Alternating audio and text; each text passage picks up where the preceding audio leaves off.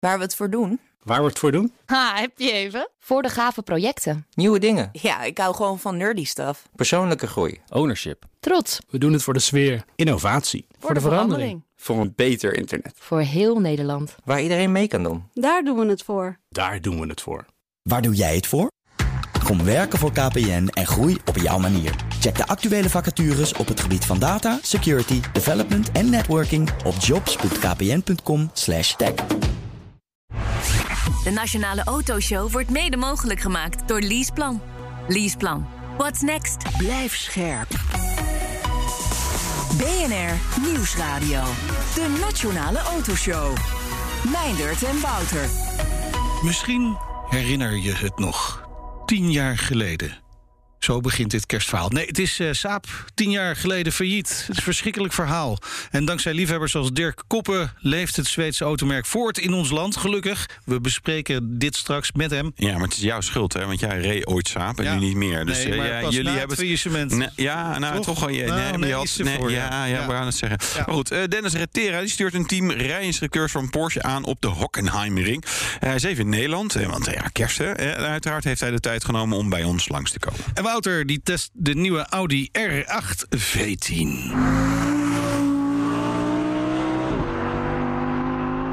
Ja, dat klinkt wel weer veelbelovend. Ja, zeker lekker. Maar ja, het is, het is straks niet meer. En we zullen zien. Nee, we zullen voorbij. zien. Ja, dat, dat denken sommige worden. mensen. Ja, dat- ja, dat- ik heb cijfers erbij, dat is ook wel leuk. Ja. Nou ja, dit klinkt allemaal veelbelovend, dat geluid. Maar eh, eerst gaan we praten met eh Loek Kramer, partner Automotive bij adviesbedrijf KPMG. Deze week verscheen jullie nieuwste Automotive Executive Survey... waarin de, de crème de la crème van de internationale auto-industrie... mogen we wel zeggen, een visie geeft op de toekomst van de autosector.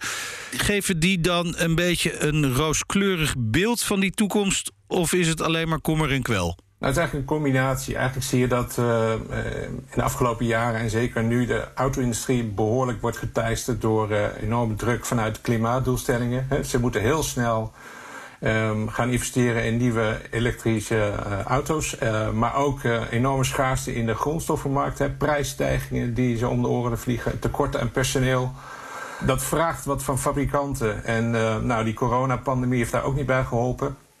Nou, dat, eh, dat wil zeggen dat, eh, dat winstmarges onder druk staan.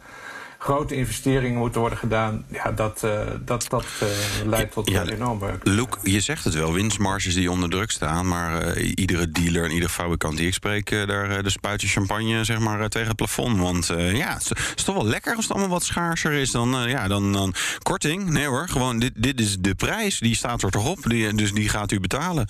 En voor, ja, indien niet, ja, voor u tien anderen. Dus dat, ja, die overcapaciteit, dat is opgelost, zou ik bijna zeggen. Ja, kijk, bij de dealers eh, eh, wordt de winst voornamelijk veroorzaakt door een enorme stijging van het aantal gebruikte voertuigen wat eh, verkocht wordt. Hè. Er is gewoon op dit moment echt schaarste. Als je nu een nieuwe auto wil bestellen, dan moet je maanden wachten. Ik heb zelf net een nieuwe BMW besteld. Ik, ik krijg, hem geloof ik geleverd in de zomer. Hè. Ja. Dat is een Ja. beetje waar- waar welk type heb je besteld? Dan kan ik, kan ik misschien nog iets over roepen wel. De BMW i4 M5. Ah, kijk, lekker. Een elektrisch. Ja, dat, eh, ze zijn nog een beetje met de software aan het rommelen, begreep ik zo nu en, eh, her en der. Dus eh, nee, dat, eh, dat duurt nog wel even. Ja, maar Loek, je hebt het over eh, het tekort aan grondstoffen, hè, onderdelen, personeel. Houdt dat nog even aan? Ja, naar verwachting houdt het wel aan. En ehm, ehm, de verwachting is dat het midden 2022, eind 2022 echt wel beter wordt. Ehm, maar eh, ja, op korte termijn is dat nog niet opgelost. eh. Jullie hebben de resultaten van het onderzoek ook deels naar de Nederlandse automarkt eh, vertaald. Bestuurders geven aan dat online autoverkoop dus rechtstreeks bij de fabrikant een vlucht gaat nemen.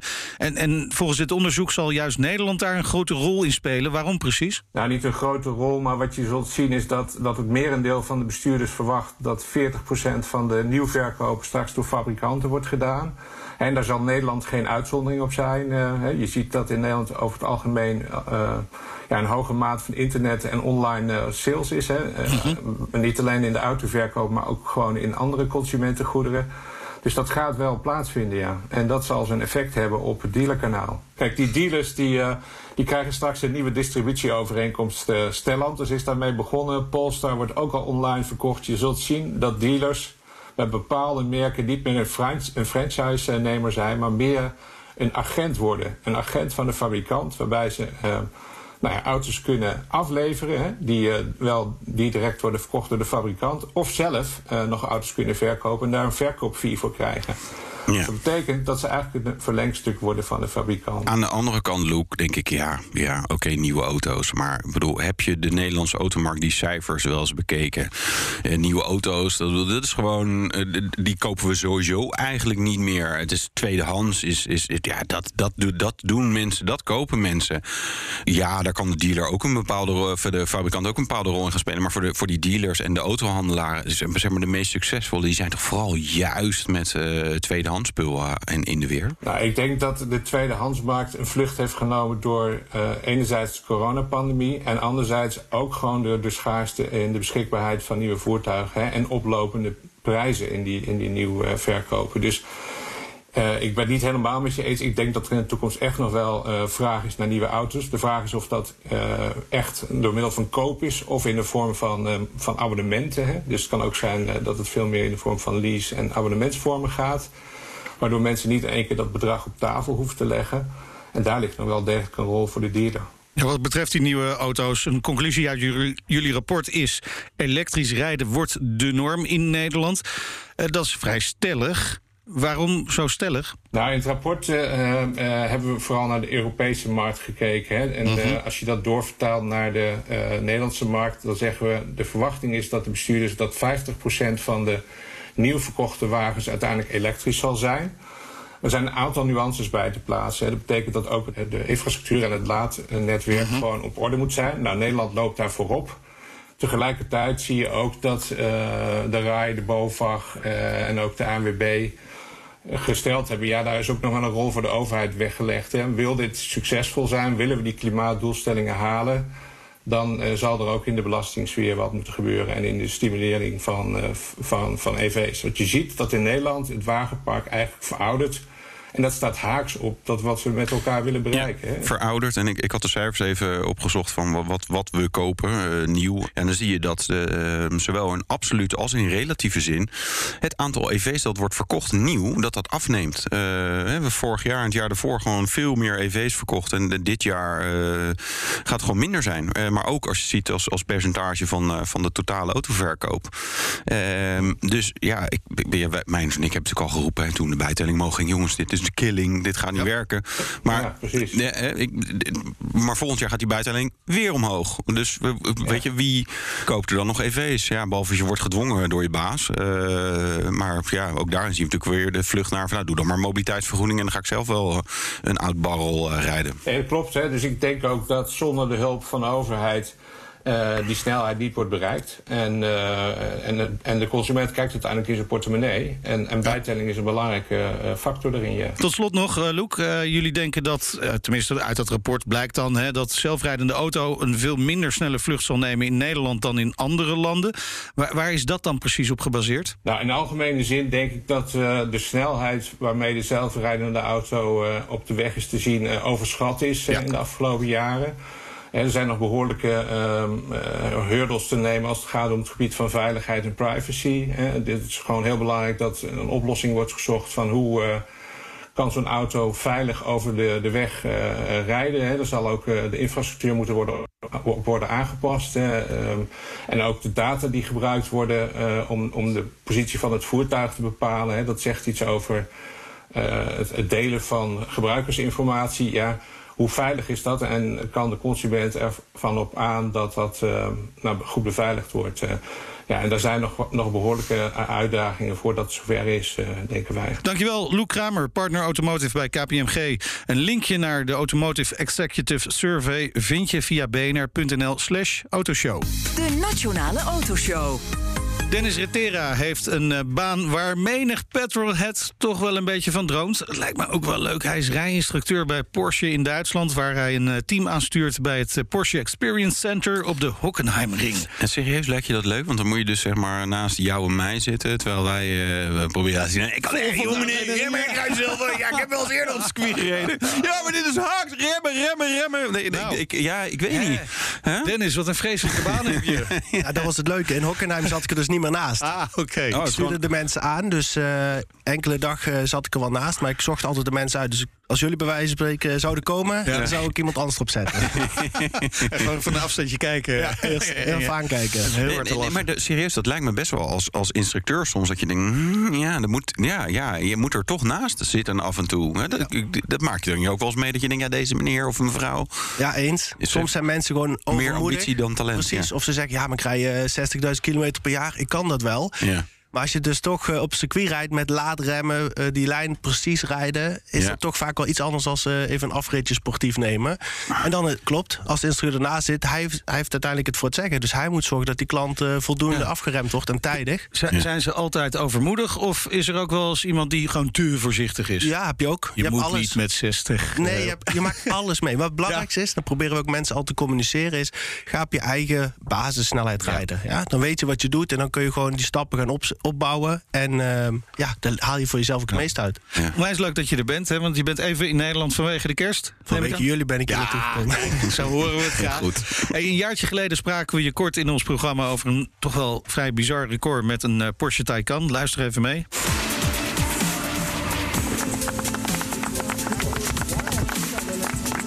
Ja, dat is leuk, met zo'n Taycan dan hoor je niks. Dus we hebben geen idee, wat heb je gedaan? Wa- Wat had je ook weer gedaan? Voor de mensen die dat gemist hadden. Dat is het leuke aan een elektrische auto. Hè. Mensen hebben, of ze ze lopen er helemaal weer weg, of ze zeggen van nee, doe mij toch maar een, eh, een brandstofauto met geluid, dan heb ik meer emotie. Het mooie is aan die auto, die heeft zo'n mega performance. Dat kun je pas realiseren als je echt met die auto hebt gereden. Dan pas ben je ook echt verrast. We doen, Ja. we doen vaak meteen launch control. en Mensen zijn meteen helemaal verkocht. Ja, maar we even, even naar deze, dit, dit record. Wat was het? 55 minuten lang driften? Ja, 210 rondjes? Of was het meer? Ja, ik weet niet of 10, 210 of 240, ik ben ik gestopt met tellen. Maar het waren er best wel wat. Het was in ieder geval 40,2 kilometer. En inderdaad, alles compleet in een drift. Er zat ook een jury bij. Dus dat wil zeggen, als ik een drifter ben en ik heb op een gegeven moment geen drift meer, dus of ik, ik spin, Ja. wat niet de bedoeling is, of die drift gaat eruit, wat ik niet voldoende gas geef, ehm, ja, dan wordt hij dus afgebroken. Heb je dat dan heel constant of was je nog continu wel een beetje aan het, aan het Ja, bij? eh? Ja, was wel ook aan het bijsturen. En vooral natuurlijk, kijk, de bedoeling was mijn elektrische auto het record te zetten. Dus dat wil zeggen, ik kan in een drift veel met gas doen om hem Ja. nog dwarser te krijgen. Voor mij was het de bedoeling om zo efficiënt mogelijk om te gaan met die Ja. batterij. Want ik heb natuurlijk gedrift voor 100% eh, ja, volle batterij, totdat die helemaal leeg was. Dus Ja. tot er je meer kon ging. ook echt niet verder. Nee, die auto Ja. stopte er gewoon mee en toen ja. Anders was het misschien 500 rondjes geweest. Ja, het mooiste, mijn persoonlijke doel was in ieder geval langer dan een uur. En dat heb ik helaas niet gered, Nee. vijf minuten na. Dus eh, Ja. Is, is het nog steeds wel een Guinness World Record? Ja. Oké, je hebt Ja. hem gewoon... Hop, ja, ja, ja. staat nog steeds in de boeken. Ja, maar maar die ambitie, ja, kijk, die batterijen worden steeds beter natuurlijk. Dus dat uur dat ga je op een gegeven moment ook wel halen. Ja, ik denk heb je dat er geen zin meer in? Zeker wel, zeker wel. Zeker omdat we nou ook... Ik had gewoon die moker. Kijk, in principe, Chris Harris is er overgekomen Ja. uit Engeland om de record te zetten. En officieel krijg je ook echt maar drie mogelijkheden om dat record te zetten. En hij heeft ze alle drie gebruikt. En volgens mij kwam hij tot 15 of 20 minuten. Het lag natuurlijk aan de baan, want het was nu overal evenwijdig grip. Nou, dat is ook zo. Hè? Dat, is, dat heb je gewoon niet altijd. En daar probeer je gewoon zo goed mogelijk mee om te gaan. Op een gegeven moment, als je zoveel maar jij zat op dezelfde baan? Of, eh, Ja, ik zat Ja. op dezelfde baan. dus je bent beter dan hem? Nee, ik heb hem als enige tip gegeven als Engelsman. Je moet dus niet linksom driften, maar rechtsom. Ja. Dus ik hoop dat hij de volgende keer het- meeneemt. Ja, dit is een grapje toch, of niet? Ja, dat ja nee, oké. je weet het maar niet, hè? Je weet het niet. Eh, Wat dit- houdt langer voor als je linksom Ja, drift. precies. Ehm, eh, dit verhaal ging de hele wereld over. Eh, Heeft het je veel gebracht? Ja, als je kijkt van complimenten wel. Heeft het Ja. heel veel gebracht? Ja. Nee, Ja, ehm, je bankrekening? Nee, nog steeds niet. eh. Helaas, helaas. Ehm, nee, zonder gekheid. Kijk, in principe was het de bedoeling dat Chris dat zou gaan doen. En dat Ja. heeft hij ook gedaan. Maar toen zei Porsche ook van ja, weet je, we weten zeker dat die Taycan nog meer kan. En hebben ze echt, zaten ze zo voor de jury, mogen alsjeblieft nog, Nog één keer meer. één keer. En toen hebben ze Ja. gevraagd of ik het wilde doen. En toen Ja. dacht ik Waarom kwamen ze bij jou uit aan? Want je was de enige die er was? Of je- begeleidde het, zeg maar, dat ze daar waren. Ja? Dus eh, dat was wel superleuk. Ehm, Had je, het al, had je het al een keer geprobeerd vooraf? Om gewoon eens even, even een paar rondjes... Ik bedoel, Ja, je kan dit... Weet je, als je me in- ja, je kan met het kan driften. Dat had je ongetwijfeld al wel gedaan. Maar gewoon eens even... God, doe, doe eens even 10 minuten of zo. Ja, nee, we hebben wel de weken ervoor, één of twee keer hebben we dat gedaan. Zijn we natuurlijk daar geweest om te kijken, gaan we het met zomerbanden doen, met winterbanden, een beetje bandendruk ook bekijken. Ja. Om gewoon zo efficiënt mogelijk dat te kunnen doorvoeren. Ja. En dus toen heb ik ook wel gereden. En toen heb ik het, eh, toen is mij gelukt zonder zeg maar eh, te spinnen. Ja. Dus constant in drift houden. Toen dacht ik alleen op dit moment, Dennis, oké, je hebt het er voorheen ge- eh, is het je gelukt. Nu moet je het alleen nog een keer even laten zien. Ja, En, ja, dat staat wel... eh, ja, ja, ja. dat is dan wel belangrijk. Ik had natuurlijk allerlei camera's in de auto. Toen dacht ik ook nog even van, nou, dan moet je ook zorgen dat je iets zegt. Want anders ook doodzaai Oh ja. natuurlijk. Ja. Dus dan uh, begin je een beetje tegen de camera's te, te kletsen. Maar op een gegeven moment dacht ik ook, oké, nu moet ik even opletten, even concentreren. Even focus. Want, uh, ja, dat is ook even belangrijk. Weet je niet duizelig? Want je, je, je hebt zo'n continu, zo'n ja. cirkel, vragen, mee. Vragen veel mensen vraag me niet hoe, maar op dat moment had ik er eigenlijk geen last van. Nee. Hadden natuurlijk de airco hadden we uit. Alles ja. natuurlijk om zo efficiënt mogelijk te kunnen ja. driften. Raampje wel iets open, want het was ook wel redelijk warm destijds. Maar dat ging eigenlijk hartstikke goed. Ah. Je probeert gewoon een vast punt en dat laat je meedraaien. Ja. Natuurlijk is het van 100% percentage, batterijpercentage naar nul, is echt een flinke stap. Dus ik heb het voor mezelf ingedeeld. Ik dacht eerst, oké, okay, we beginnen bij 100. Dennis werkt naar die 75% toe. Dat heb ik gedaan. Dat heb ik ook iedere keer gecommuniceerd via de portofoon... dat op 75% zaten. Volgende doel 50. Toen 25. Ja. Toen dacht ik, oh, dan zijn we eruit ja. bijna. Ja, ja, dat, ja. Dat, dat, als je, jij, jij sport niet met een, uh, met een trainer. Hè? Ik, had, ik had het nou, jawel, van jawel. de week inderdaad van... Ja, we doen 50 push-ups, zeg maar helemaal plat liggen. En, dan weer, en, en daarna deden we nog een keer zo'n sessie. En toen nog van, oké, okay, zet nu maar je, je voeten op een bank. En dan nog weer, ja, weet je, en dan, dan ga je inderdaad... Je moet niet, zeg maar, 50, 59... Want je wordt gek. Zeg ja, nou ja, ik, tra ik, ik, train dus wel met een coach. Oh, dus jij tot, werkt, jij kent ja, dit geval. Ja, dan ga je tot de spierfalen toe. Ja. En dat is zwaar. Alles verzuurt en dan Ja. nog even door. En dan Ja. heb je wel een coach nodig. Want zelf zou ik het echt never nooit Nee. doen.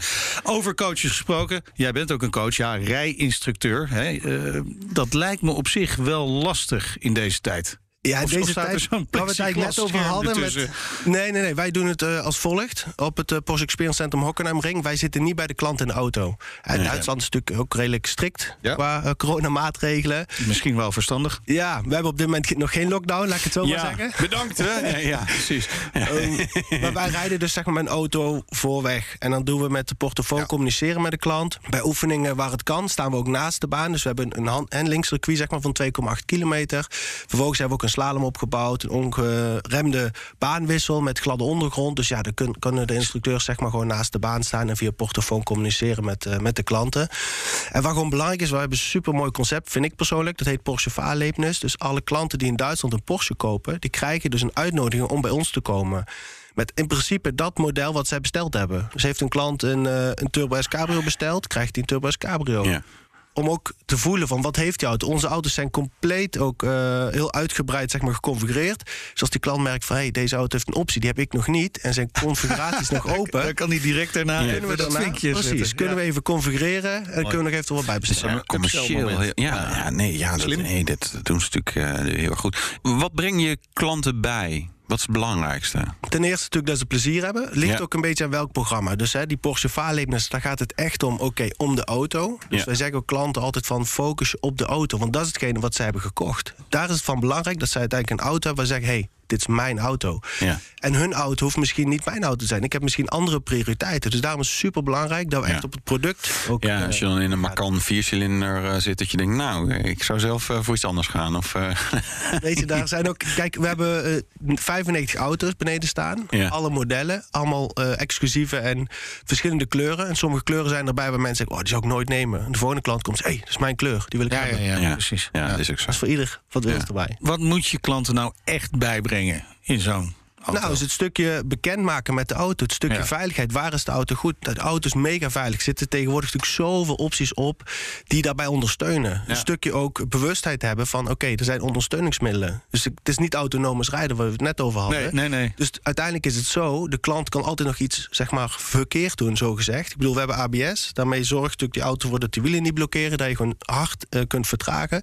Wil niet zeggen dat we oneindig laten kunnen remmen. Nee. Het is gewoon een stukje bewustheid. We laten mensen met PSM, Porsche Stability Management rijden. Een keer op sport en een keer uit. Om Ja. ook gewoon het gevoel te hebben. Het verschil te kennen. Precies, en als je Ja. het erover hebt, dan hebben ze wel een, bepaald, een eh, bepaald gedachte ervan. Maar wat is nou beter als het zelf eh, ervaren? Het komt natuurlijk ook wel een beetje aan op gevoel. Hè? Dat heb je of dat heb je niet. Eens, eens. Ja. Soms is het zo, hebben mensen een langere weg nodig om er naartoe te gaan. En soms eh, is er gewoon helemaal geen weg. diplomatiek. Wa- Waar, waar gaat het vaak eh, mis bij mensen? Ik denk misschien toch een stukje concentratie soms. Hè. Ehm, het zijn natuurlijk veel indrukken. Soms komen mensen bij ons op het Experience Center... en die zijn helemaal onder indruk van het gebouw... van alles wat, Ja. en alle modellen die er staan. Ja, en oh, dat is die gast van het Guinness World Record. Jezus, nou. Dat Of moet ik een half uur handtekening uitdelen? Nee. maar goed, het, zijn, foto's. het zijn wel allemaal indrukken die mensen Ja, wel moeten verwerken. ja. Kijk, en als het hoofdje vol zit, zit het vol. Ja. Dus Ja. dan kun je op een gegeven moment wel informatie gaan overdragen. Dus als je ernaast zou zitten of je rijdt ervoor en je gaat zeggen harde remmen, komt gewoon niet aan. Nee. Dus om, in ieder geval voor de mensen belangrijk om stap voor stap op te bouwen. En als Ja. je in een Porsche zit en je hebt lekker vermogen en je hebt goed grip, ja, dan willen mensen graag. Lekker Ja. veel. Enthousiasme, iets Ja. overenthousiast. Ja, ja, Nou heb jij in bijna alle Porsche varianten gereden. Zo niet alle. Ja. Toch? ja. Ja. Wat is de beste Porsche? Hele goede vraag. Ook dat is een persoonlijke vraag. Ik persoonlijk zou gaan eh, voor twee modellen, als je het goed vindt. Ja, Zou zijn de GT3. Deze.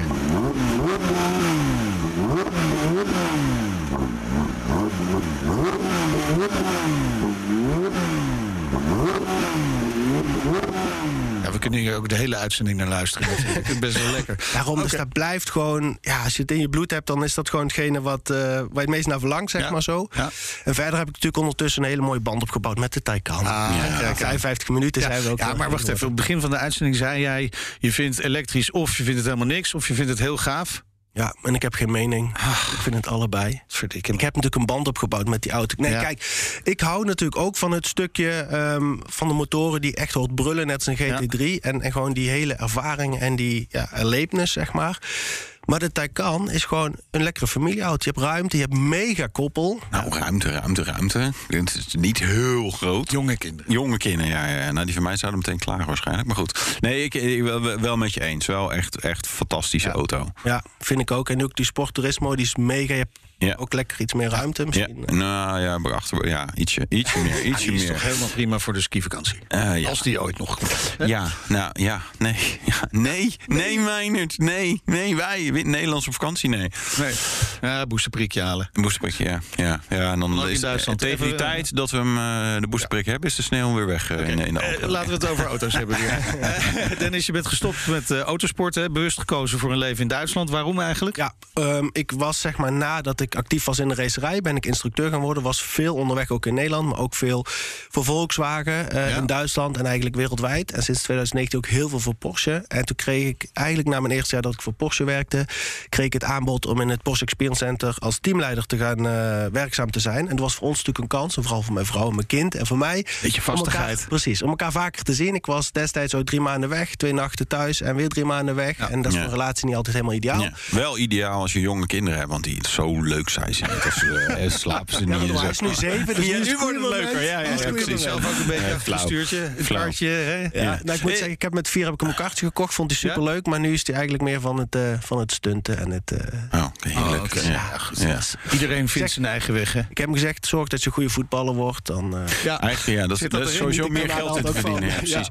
Mis je autosport? ja, tuurlijk. Kijk, het, ik heb het vanaf, eh, vanaf jongs af aan gedaan. Ik was 13, ben ik op de kartbaan eh, in Eindhoven, waar ik vandaan kom, gaan werken. Ja. Ben gewoon karts gaan poetsen, buiten gaan zetten, repareren. En dat was mijn verbinding met die, die kartsport, zeg maar. En was ieder vrede wat ik had, was ik daar. Ja. Dus sinds toen ben ik er eigenlijk al mee bezig. En heb natuurlijk veel over de wereld kunnen meemaken. eh vele mooie auto's kunnen rijden. En ben er super dankbaar voor. Dus het, ja, dat zit gewoon nog steeds in mij. Dus daar heb ik nog steeds. Ondanks ik natuurlijk de afgelopen twee jaar veel meer eh, computerwerk heb gedaan, was het af en toe nog van ja, je moet nou eventjes uit je bureau. We moeten even met de nieuwe GT3 gaan driften. Want er zijn Ja. eh, mooie Ja. Porsche Club Spires hier. Dus we moeten we even een showtje geven. Ja, dan is het natuurlijk super leuk. Dan moet je meteen performen. Ja. En ehm, ja, eigenlijk dit jaar had ik nog een kans om race te rijden met de KTM. Peter Cox had mij gebeld, was Ja. toevallig ook in Hockenheim. Heb op vrijdag die trainingen gedaan, moest op zaterdag werken, dus kon niet. En op zondag zou ik die race rijden. En helaas ehm, hebben we die race uiteindelijk niet gereden, omdat er een stuk waren in de auto. Maar had ik natuurlijk mega naar Ja, dat is wel balen. Ja, dat Ja. Snap, ik, snap ik wel. Ja, nee, het, het- het is natuurlijk toch gewoon iets bijzonders om een, om, om een race te rijden. Dus ik snap wel dat je dat eh, mist. Maar aan de andere kant, je hebt natuurlijk wel gaaf werk. Porsche... eh, Experience, je ze doen van alles, hè? Dus, dus je, zit jij vooral op Hockenheim of doe je ook andere dingen? Nee, in principe zat ik afgelopen twee jaar vast op Hockenheim. Ja. Dat was echt mijn thuisbasis. En nu heb ik ervoor gekozen om ook wel weer eh, in het buitenland zeg maar, actief te zijn. En waarom? Wij blijven wel in Duitsland wonen. Bevalt ons mega goed. We Ja. wonen daar lekker aan de Rijn in de haven in Speyer. Speyer kent waarschijnlijk niemand, maar het is een heel Nee. mooi plekje. Ja. Ehm, ook een beetje omdat het toch wel ook tijdintensief was. Ik was heel veel uren toch daar. En ik vind het ook belangrijk om ook een stukje met, de met de familie te kunnen genieten.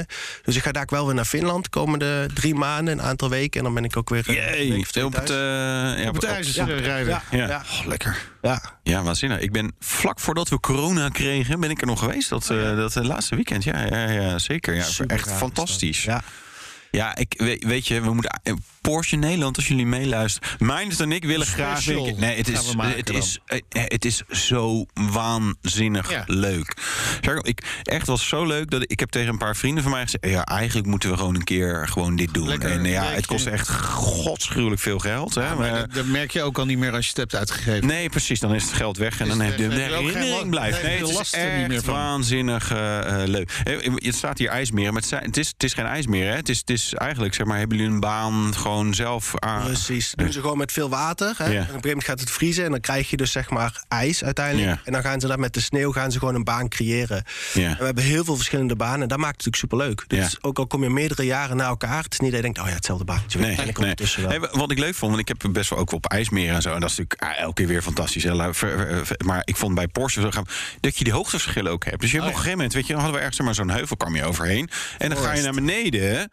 En dat je denkt, ja, daar komt die bocht naar links. Dus ja, waar, waar ga ik liften? Weet je, en als je dat goed deed, dan kwam die auto al vanzelf om. Weet je, dat soort dingen. Ik voelde me echt een rally Ik denk, nou jongens, dit miskende talent. Wel een beetje hoor. Nee, ja, precies. Nou, Moet je valt tegen. Nee, nee, maar, nee, maar dat gevoel, dat zo, weet je, als je, als je een beetje zeg maar, van autorijden houdt, zit daar zoveel in, uh, waar, waarin je gewoon hele gave dingen kan. Nou, hey. Dus wat brengt 2022? Dus onder andere op het ijs rijden. om in, te beginnen, in Finland. Precies, uh, een beetje meer ook alweer van huis zijn, maar tegelijkertijd ook weer meer tijd daarna thuis uh, ja. te kunnen genieten in Duitsland ondertussen thuis. Ja. Uh, met de kleine. Ja. Die, uh, en, en dat eigen record, uh, gaat dat er nog aan? Aan de ene kant hoop ik het niet, aan de andere kant hoop ik het wel. En waarom hoop ik het wel? Want dan hoop ik dat ze mij ook weer bellen om te zeggen precies. van... Hè, het is mij toen de ja, je moet wel je titel kunnen verdedigen natuurlijk. Ja, ze hebben destijds ook gezegd van... Als we weer een record hebben, dan ben jij de eerste die we bellen. Um, ik ben opgegroeid in de autosport, dus ik ben altijd zoiets van... oké, okay, als ik in die auto zit, is het uh, echt zo. In plaats van dat ze nu de intentie hebben. Ja. Um, aan de ene kant hoop ik dat het niet verbroken wordt natuurlijk. Aan de andere kant zou het leuk zijn, want dan heb ik hopelijk... Uh, nog een keer in kans. Is dat. Dank voor je komst, Dennis Retera. Hij is rijinstructeur bij Porsche. En we hebben uh, iets meer opgenomen dan we in deze uitzending kunnen laten luisteren. Daarvoor wil ik je graag verwijzen naar onze podcast. Dan kun je het hele gesprek met uh, Precies, Dennis waren zo enthousiast. En zometeen. uh, Saab is tien jaar failliet. Dat komt allemaal door Meinert, want ja, die, heeft, die is een ander Zweeds merk gaan rijden. maar een van de grootste Saab-liefhebbers van Nederland schuift zo aan. Ja, en Wouter reed helemaal geen Saab. Die testte de Audi R8 V10.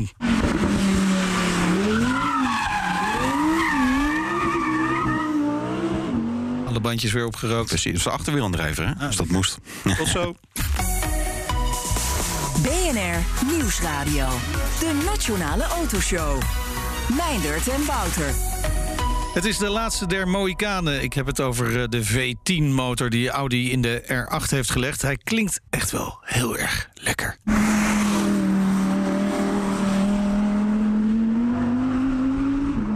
Maar ja, hoe rijdt het, hè? Ja. Wouter vertelt het straks in de rijimpressie. Maar eerst... Ja, ondanks verwoede poging van Victor Muller... oh god, kennen we die nog? Uh, om het tijd te keren ging Saab precies tien jaar geleden failliet. Dankzij liefhebber Dirk Koppen leeft de passie voor het Zweedse automerk nog steeds voort in ons land.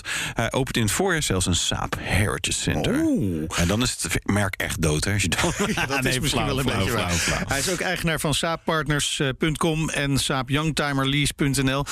Welkom, leuk dat je er bent. Dank jullie wel. Met de Saab gekomen, neem ik aan. Ik heb een hele mooie voor je meegenomen. Je wat, bent nog steeds op zoek naar de ultieme ja, youngtimer. Ja, ja, ik heb hem even in de ijskast gezet. Het, het, plan vanwege verbouwing aan het huis. Ook in verband met corona. Maar wat heb je bij je? Ik heb een uh, 9.7 5,3 V8. Dus net geen uh, 10 cilinder, maar nee. V8 doet het ook ja, leuk hoor. Ja. ja, maar dat is eigenlijk niet echt een Saab. Dat is een, uh, dat is een Chevrolet uh, Trail Tahoe volgens mij verbouwd. Hè? Wat was nee, nou? Trailblazer. Trailblazer, ja, ja. toch wel. Ja. Duke Envoy of een, of een Trailblazer. Maar heel eerlijk, er is wel een hoop aangedaan door de mensen uit Zweden. Meer dan ik ook verwacht had, zeg ik eerlijk. ja. Maar uh, is dat echt een saap? Nee. Nee. nee. maar het is wel leuk. Nee, ik heb hem ja, ook wel eens gereden. Het was een hele fijne auto, maar echt geen saap. Nee, dat ben ik met jullie eens, ja. absoluut. De turbo ontbreekt, hè? Ja, ja. Ah, die kunnen er wel op uh, meestal op als het moet voor. We zijn een hele mooie aero aan het bouwen op dit moment voor een klant. 6 liter. Dus uh, dat uh, wil wel vooruit. Dik 500 pk. Ja. Oké, okay. nou, dat Dan is toekomstmuziek. Uh, natuurlijk even terug tien jaar in de tijd, Dirk. Hoe heb jij toen destijds het faillissement van Saab beleefd? Nou ja, in het voortraject hadden we natuurlijk al de samenkomst hè, van de Saab Community. Ja. We hebben een keer uh, dat General Motors, nog voordat Victor het over, uh, overnam, zou ik maar zeggen, zijn we met de Saab Community bij elkaar geweest. En hebben we de toeren vanuit heel Nederland. Uh, ik denk dat menig een zich dat nog wel kan herinneren. Ja, zeker. Volgens mij stonden alle snelwegen dicht. daarna dat Victor het moederhoofd neer moest leggen, zijn we nog, hebben we nog Wan Was op Valkenburg gehad. En ja, toen begon voor ons een soort uh, van tombola, moet ik, uh, moet ik eerlijk zeggen. Want uh, we waren in een redelijk vroeg gesprek met de curator.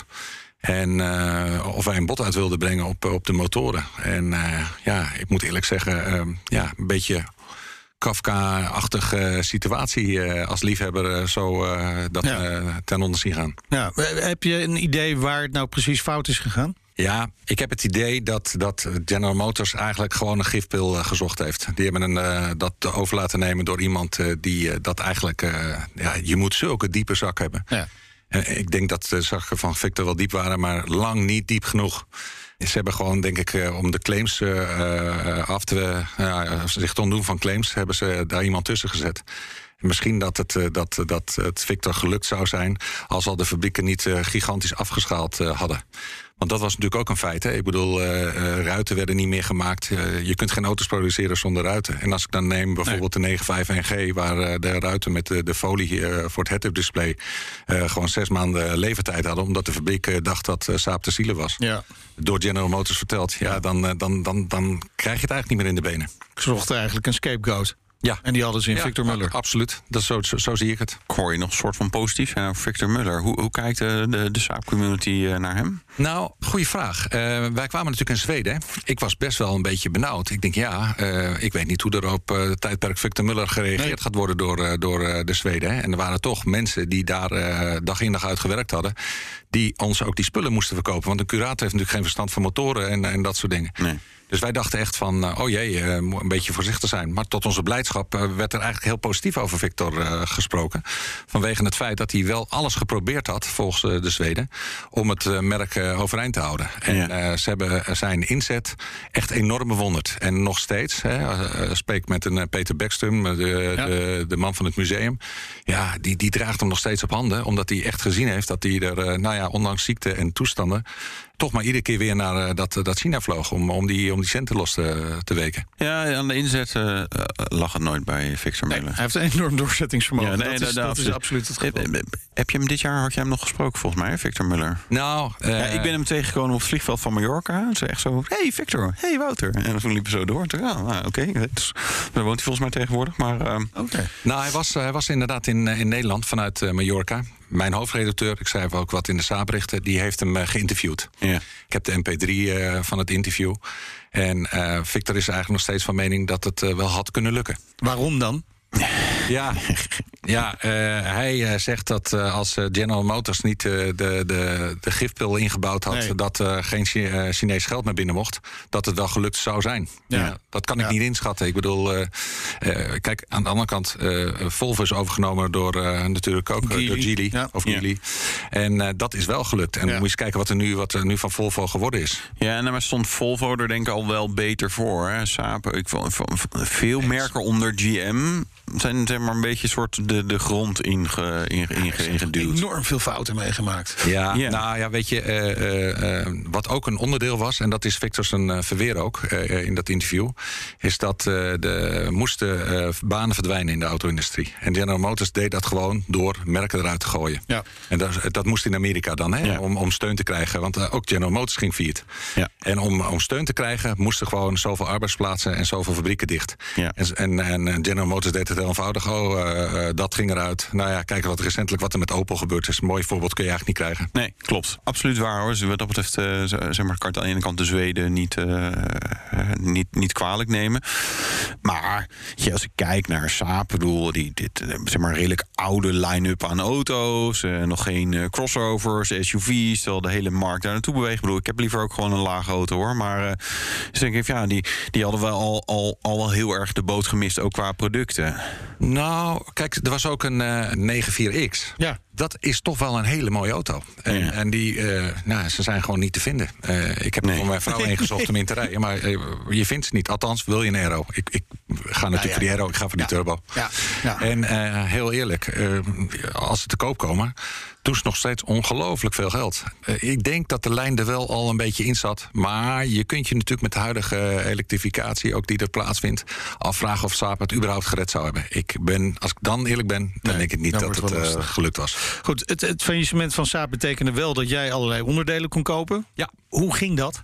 Ja, nou, dat was dus uh, een, ja, een beetje onze realistische situatie. wij, wij, wij gingen naar Zweden. Ja. We vlogen daar naartoe. En de curator stond ons te woord. Vervolgens moesten wij met een assistent dan de, de, spullen bekijken. Want ja, waar bied je op? En we komen daar die fabriek in, aarde donker werd letterlijk aan een, aan een touwtje getrokken en dan ging het uh, licht aan. Dan gingen die, die lampen gingen branden in de fabriek. En, en, en, en dan zag je ook dat die mensen uh, die daar werkten eigenlijk compleet overvallen zijn geweest. Er lagen nog broodtrommeltjes, er lagen appels, uh, fruit, foto's op, op bureaus. Bureaus waren ook niet opgeruimd. Die dachten de volgende dag weer aan het werk te gaan. En s'avonds of, of de volgende morgen vroeg, ik weet niet precies wanneer dat gegaan is, heeft Victor zijn faillissement aan moeten vragen. Kijk, als liefhebber gaat je dat natuurlijk enorm aan het hart. Je komt in een wereld van Kafka. Ja. en, en, en, en dan denk je echt van, wat is dit? Uh, en, en ja, dat maakt het wel heel duaal. We waren natuurlijk heel blij uh, dat we het in de benen konden houden. Want anders waren die motoren gewoon naar Amerika gegaan. Daar was belangstelling genoeg. Maar ja, wij wilden ze in Europa houden.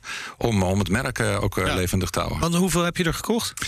Nou, in eerste instantie ging het om de B205, B235 voor de, voor de kenners. Dat zijn de motoren in de 9.5 en de oude 9.3. Ja. dat was de belangrijkste vervangingsmarkt, zou ik maar zeggen. in eerste instantie ging het om 700. Eh, Daarna zijn we eigenlijk binnen een uh, drie weken, een maand geloof ik, zijn we nog een keer teruggevlogen. Nog een keer 400 gedaan. Vervolgens van Nefs een keer naar Italië gevlogen om te kijken of we diesels los konden, ja. konden weken die ze dan voor de opstart weer nodig hadden. Dat, ja. dat gingen zij niet doen. Uiteindelijk hebben ja, wij dat waren alfa, alfa dieseltjes. Ja, klopt. Ja, ja, klopt, waarom moesten jullie dat doen? Nou, Omdat jullie gewoon handig uh, nee, waren? Dat, dat had ook weer met Victor te maken. Die had een bepaalde crediteuren naar, naar voren getrokken. anders kreeg je geen spullen. Okay. En de curator zei gewoon als die partij binnenkomt, dan, dan wordt hij waarschijnlijk in beslag genomen. Dus uh, ja, er moest een stroomman aan te pas komen. Ja, ja, en daar uh, waren wij. Op dat moment uh, mochten wij dat Handig, even. handig. Maar je hebt dus meer dan duizend motoren. Je hebt heel ja. veel... Ik denk dat we wel... Wat moest je ermee, zou ik bijna zeggen. Maar, ja. maar wat, wat, doe je ermee? In het begin uh, schoven we natuurlijk gewoon plat dozen, hè, om het zo maar te zeggen. En, en die ging ook de hele wereld over, hoor. Ik heb, we hebben aan Taiwan geleverd, we hebben aan Amerika geleverd. Echt, echt werkelijk heel Europa ook. Maar naderhand ja, wordt er, is daar dus een nieuw businessmodel uitgeboren. En wij zijn eigenlijk al sinds een jaar of acht, negen zijn we circulair. En uh, dat wordt wel eens uh, vergeten in uh, Den Haag. Wat een, dat je ook circulaire auto's kan maken. Er zijn heel veel manieren om het allemaal schoner te maken in Nederland, denk ik dan. Kijk, circulair. Maar dat betekent een oude Saab, ja, nieuwe motor. In één keer komt er ook een oude motor uit. Dus dan ben je nog niet helemaal circulair. Maar wat, wat nou, doe je daarmee? Die oude motoren kunnen we vervolgens, omdat wij ook een hele grote partij zuigers en, en, en, en drijfstangen en dat soort ja, dingen gekocht hebben, kun je natuurlijk ook uiteindelijk zijn de nieuwe motoren voor een groot gedeelte op. En zijn we nu met, uh, aan het uh, reviseren, zou ik maar zeggen. Dus, ja. dus, dan zie je dat je alles weer hergebruikt. Maar dat betekent dus ook dat er gewoon nog steeds vraag naar is. Naar de Saabs ook. Welke modellen zijn op dit moment in trek? Dat komt ook denk ik een beetje door COVID. Wat uh, niet aan te slepen is op dit moment zijn de 9-3 cabrio's. Als oh, ja. je vandaag de dag een, een vierdeurs... of nee, niet een vierdeurs, natuurlijk niet. Een vierpersoons ja. cabrio zoekt. Dan, en je wil een, een, een youngtimer. Maar ook zelfs met de nieuwere. Er wordt niet meer zoveel cabrio's gemaakt. Nee. Dan, dan, dan, dan kom je eigenlijk maar bij uh, twee, drie merken uit. Waaronder uh, Saab nog steeds. Uh, ja. En nou ben ik een liefhebber, dus met hoop ja, jullie ja, mij vergeven. Ja, nou, nee, kijk, nee, het heeft wel een bepaalde sfeer. Kijk, ja. anders is het, het is of ook Zweedse Volvo C70, die overigens ook gestopt zijn met cabrio bouwen. En de Duitsers doen natuurlijk Audi, Mercedes, BMW. Een mini cabrio. Ja, en dan, daarna houdt het heel snel op wat er aan cabrio's is. Ja.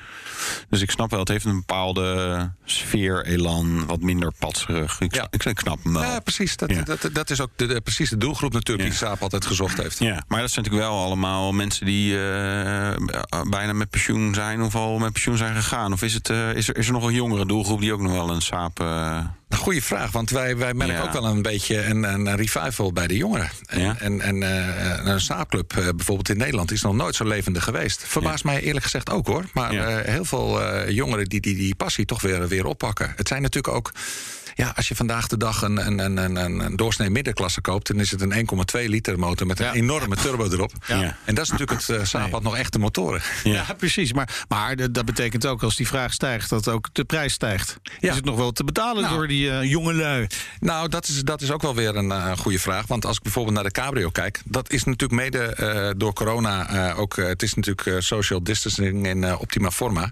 Maar wij kochten, laten we zeggen, twee, drie jaar na het faillissement kochten we cabrio's eigenlijk goedkoper in... als dat we, we ze nu met weinig kilometers vinden. Want dat is natuurlijk wel... iedereen ja, zoekt natuurlijk eentje met weinig kilometers. Ja, maar ja, jij, uh, je, jij circulair, je bouwt gewoon een nieuwe, een nieuwe motor erin uh, schuiven. Nou ja, op onze website uh, staan... ik zal maar geen... ik zal de... nou ja, Youngtimerlies...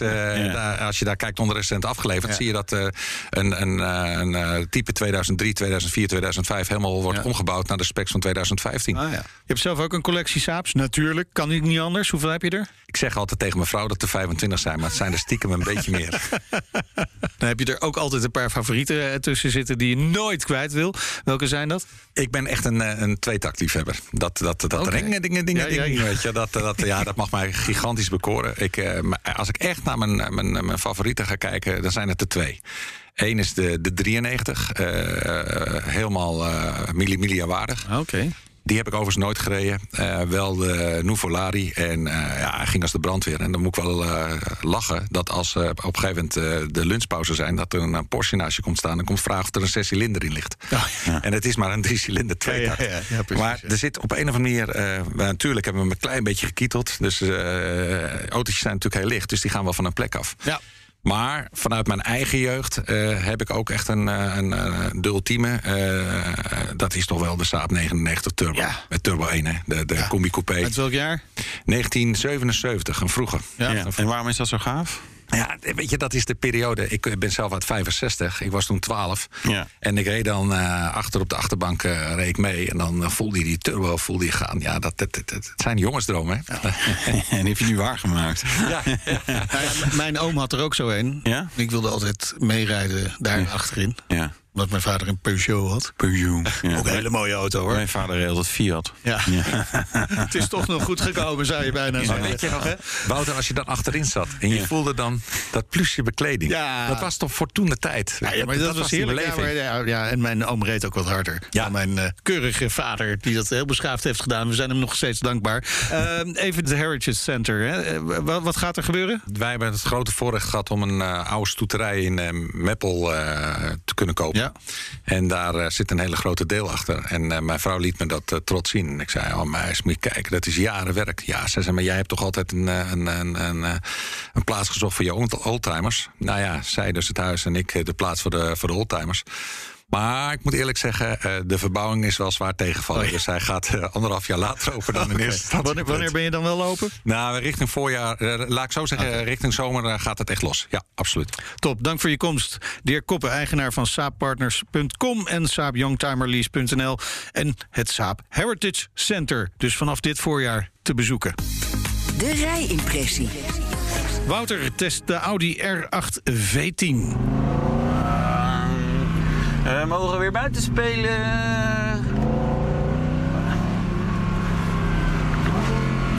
Dit is eigenlijk de auto voor een radio-item. Luister.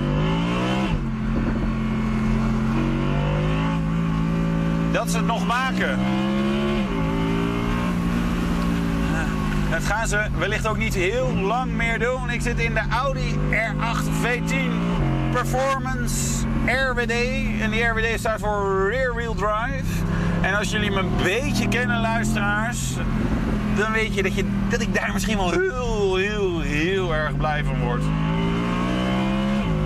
Sowieso word ik heel, heel, heel erg blij van dit geluid. Want wat een apparaat. Wat klinkt dat toch fantastisch.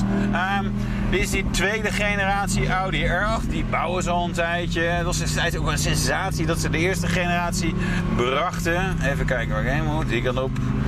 Oké. Okay. een mid-engine supercar met sensationele looks en, en, en ah, de Audi bouwkwaliteit en Audi nou ja, bruikbaarheid. Hè. Dat is een, echt een, een supercar die je iedere dag zou kunnen inzetten. Nou ja, dat is natuurlijk wel leuk. Die tweede generatie Ehm, kwam er in eerste instantie alleen als quattro en later als uh, achterwielaandrijver. Dat is dus deze versie. De Quattro heb ik altijd een beetje braafjes gevonden in die tweede generatie. Die was ja, vooral heel snel, heel veilig, heel een efficiënte machine. Maar wat minder speels dan je misschien hoopt bij zo'n auto. In ieder geval wat ik dan hoop bij zo'n auto. En dat is het gave van deze versie.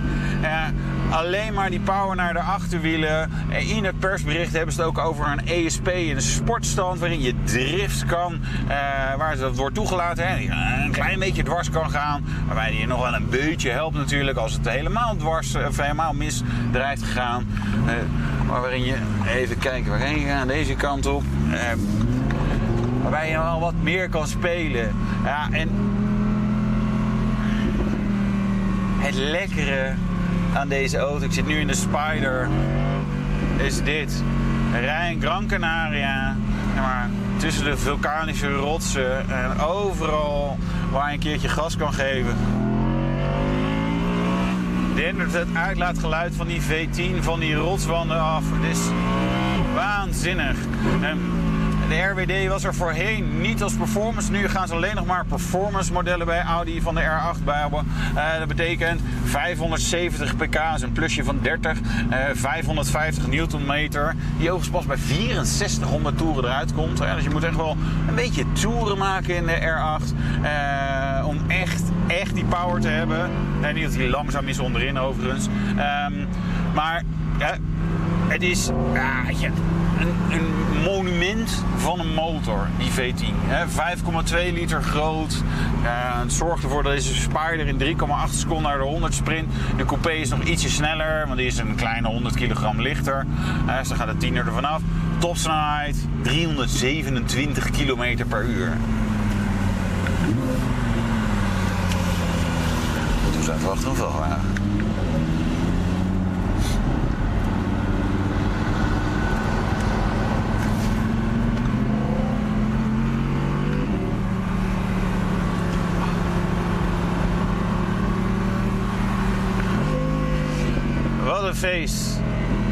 En misschien wel de laatste keer dat we dit zo kunnen rijden. Hè? Want ook Audi heeft het over ja, elektrische sportauto. En, dus ja, de kans dat er nog een R8 in deze vorm komt.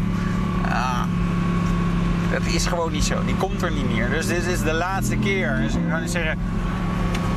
Vraag niet hoe het kan, maar profiteer ervan. Want het is echt zo leuk. Deze motor klinkt zo verschrikkelijk goed echt feest. En dan zeker als achterwielaandrijver, als je daar een beetje van houdt, dat een auto, ja, dat, je, moet nadenken over waar je op het gas gaat. En dat je af en toe misschien eventjes moet tegensturen. Ja, dan is dat wel echt de R8 voor jou. Ja, Wouter, de, de Audi R8 V10. Woutertje blij. Woutertje blij, ja, dit. Dit is uh, de RWD, dus achterwiel aangedreven. Dus uh, ik kon uh, zeg maar Dennis een hand geven. Nou, dat mocht niet, want corona. Maar qua drift, nee, ja, gewoon geweldig. Dat, het motorblok is natuurlijk ook geweldig. Ik vind het een mooie auto. Het is een Audi, dus het werkt allemaal goed. En je zit er fijn in. Maar ja, je. Ja, leuk. Waanzinnig. Motorblok geweldig, maar het is wel de laatste keer. Hierna ja. wordt hij gewoon elektrisch. Ja, er komt in ieder geval ook een elektrische opvolger. Ik vond, ik vond, ik vond het wel grappig, want het ging daar natuurlijk wel over. Toen dacht ik, ja, misschien gaan ze nog best wel lang door met deze R8. Ik, ik weet je, ik, je weet het niet. Maar de, dat, dat de toekomst meer elektrisch is, ja. Dit, dit, dit.